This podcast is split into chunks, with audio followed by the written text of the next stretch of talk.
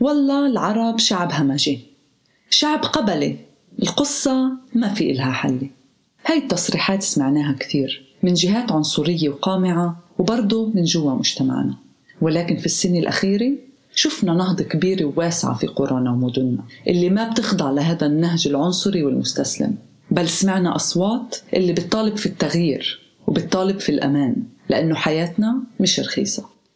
يوم بعد يوم تنكشف لنا حقائق جديدة معطيات وتسريبات اللي بتبين بوضوح شو أسباب انتشار الجريمة المنظمة في مجتمعنا ليش مجتمعنا بيعاني من السلاح المنتشر؟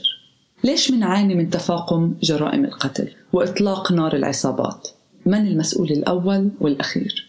معكم سالي عبد من بودكاست عنار يلا نبدأ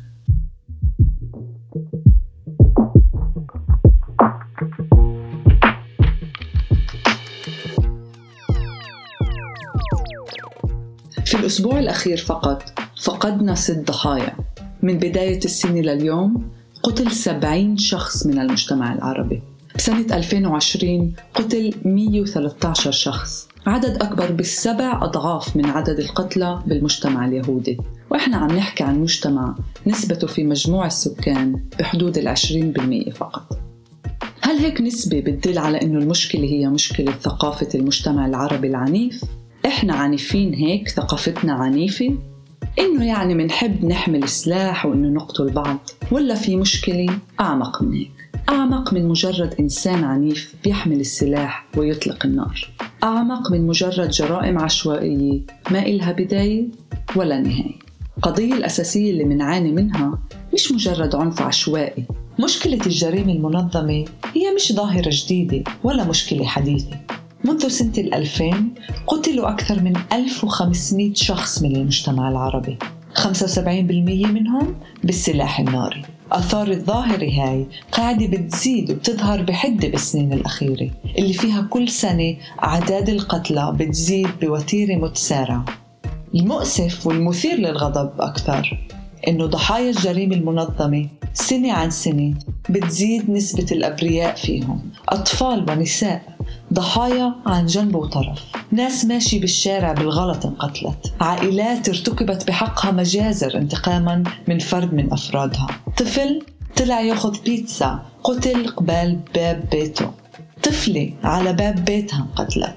عائلة هاربة من الإجرام وقتلوها. عريس على وشك الزواج انقتل. عريس خاطب جديد. رب أسرة ورجل أعمال. امرأة وأم بمكان عملها. هذا إذا بدل بدل إنه الناس اللي حاملة سلاح هي ناس مجرمة وبتقتل بدم بارد ناس اللي لازم تتحاسب وتسجن وتأخذ جزاها. بس شو؟ في ظل كل هذا العدد من جرائم القتل وحتى جرائم إطلاق النار تقريبا بس 30% منهم يقدم فيه لوائح اتهام. بال 2018 من 81 ملف قتل بس 35 ملف تم تقديم لائحة اتهام فيهم. بالمقابل بالمجتمع اليهودي تم تقديم 25 لائحة اتهام من 35 ملف قتل. طيب وشو كمان؟ في أكثر من 400 ألف قطعة سلاح غير قانوني في متناول المجرمين بالمجتمع العربي. غالبيتهم تم تسريبهم من مخازن الجيش الإسرائيلي. في ناس بتحكي لا المشكلة فينا. لا الحق علينا. إحنا مجتمع ما بنربي أولادنا منيح. إحنا وإحنا وإحنا وإحنا. منفعش تيجي تقولي الحل لمشكلة اليوم ربوا أولادكم. في عندي 400 ألف قطعة سلاح ليسرحوا ويمرحوا بإيدين المجرمين. كل المجتمعات في ناس عنيفين. بس مش بكل المجتمعات في 400 ألف قطعة سلاح. في كل المجتمعات مجرمين. بس مش بكلهم المجرمين طليقين. ما بيتقدموا للعدالة وما بيتعاقبوا. صحيح في عنا مشاكل زي أي مجتمع آخر وخاصة مجتمع مقموع وفقير. ربوا أولادكم على التسامح والمحبة ونبذ العنف وغيره. مهم جدا. بس إحنا عنا مشكلة طارئة عنا مشكلة سلاح ومجرمين طليقين السراح. وحل المشكلة الحالية؟ يكمن بالحل الفوري والآني إنه يلتم سلاح من الشوارع. مش وظيفتي ولا وظيفتك ملمه. هاي وظيفة الشرطة والحكومة. لازم ينقبض على المجرمين ويتحاسبوا. وهي مش وظيفتي ولا وظيفتك. بل هذا حقي وحقك إنه نعيش بأمان، نعيش بمجتمع ما بيسيطر عليه السلاح والعصابات الإجرامية. المجرم عنا لا يعاقب، بيرتكب جريمته البشعة وبيروح على بيته بدون عواقب، وحياته بتكمل عادي، ولا بيرجع وبعيدها، ليه؟ لأنه الشرطة ما بتشتغل شغلها، لأنه الشرطة مش معنية تمسك المجرمين، ومنظمات الإجرام أو تلم سلاح. طيب بتقول لي ليش الشرطة مش معنية؟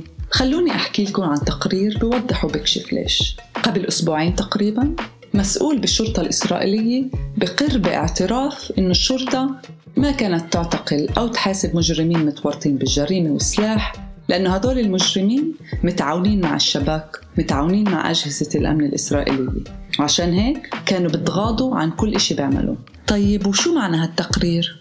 هذا التقرير بيوضح بشكل صريح وبلسان الشرطة نفسها إنها بتعرف عن عصابات الإجرام والمجرمين والقتلة والسلاح ومعهم أدلة بس بتغاطوا عنهم لأنه ماخذين حصانة من الشباك لممارسة إجرامهم علينا يعني وبصريح العبارة نقدر نقول إنه الإجرام المنظم وهيمنته وسيطرته على المجتمع العربي مدعوم ومدار وسياسة عنصرية من الحكومات الإسرائيلية اللي معنية إنه مجتمعنا الفلسطيني بالداخل يغرق بالجريمة والسلاح. كلنا بنتذكر المظاهرات الشعبية اللي طلعوا فيها أهالي أم الفحم لأسابيع متتالية كل أسبوع. كانوا يخرجوا بمظاهرات ومسيرات ضد الجريمة المنظمة واستفحالها. يتظاهروا أمام مركز الشرطة اللي لا بصد ولا برد. شعار مظاهرات أم الفحم كان موحد ورفع أصابع الاتهام اتجاه الشرطة بفهم عميق للمشكلة وقال الشرطة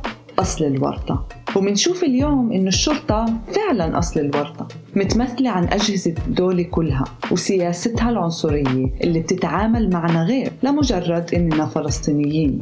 من جهة بتضربنا وبتعتقلنا وبتنكل فينا بالشيخ جراح بسلوان باللد يافا حيفا وغيرها. ومن جهة بتغرقنا بالسلاح وبتترك المجرمين وعصاباتهم يقتلونا ويهددونا ويسيطروا على حياتنا. فخار يكسر بعضه. مهم جدا نفهم أن المشكلة الأولى والأخيرة هي بتعامل الحكومة أجهزتها والشرطة مع قضية الإجرام المنظم والسلاح المنتشر وحل الجرائم ومحاسبة المجرمين.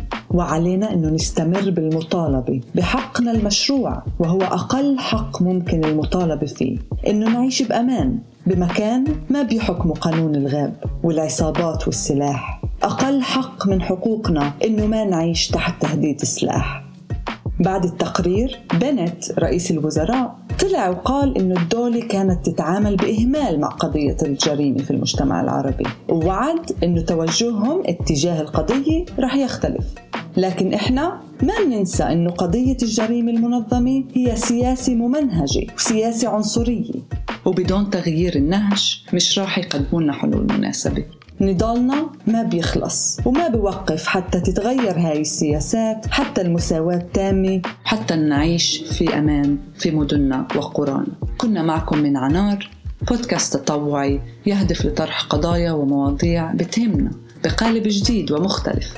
ادعمونا بالاشتراك لسماع حلقات خاصة ومميزة. وطبعا تنسوش تعملوا شير وتشاركوا الأصدقاء والصديقات على الفيسبوك على الإنستغرام وعلى التيك توك. نلتقي بالحلقة القادمة.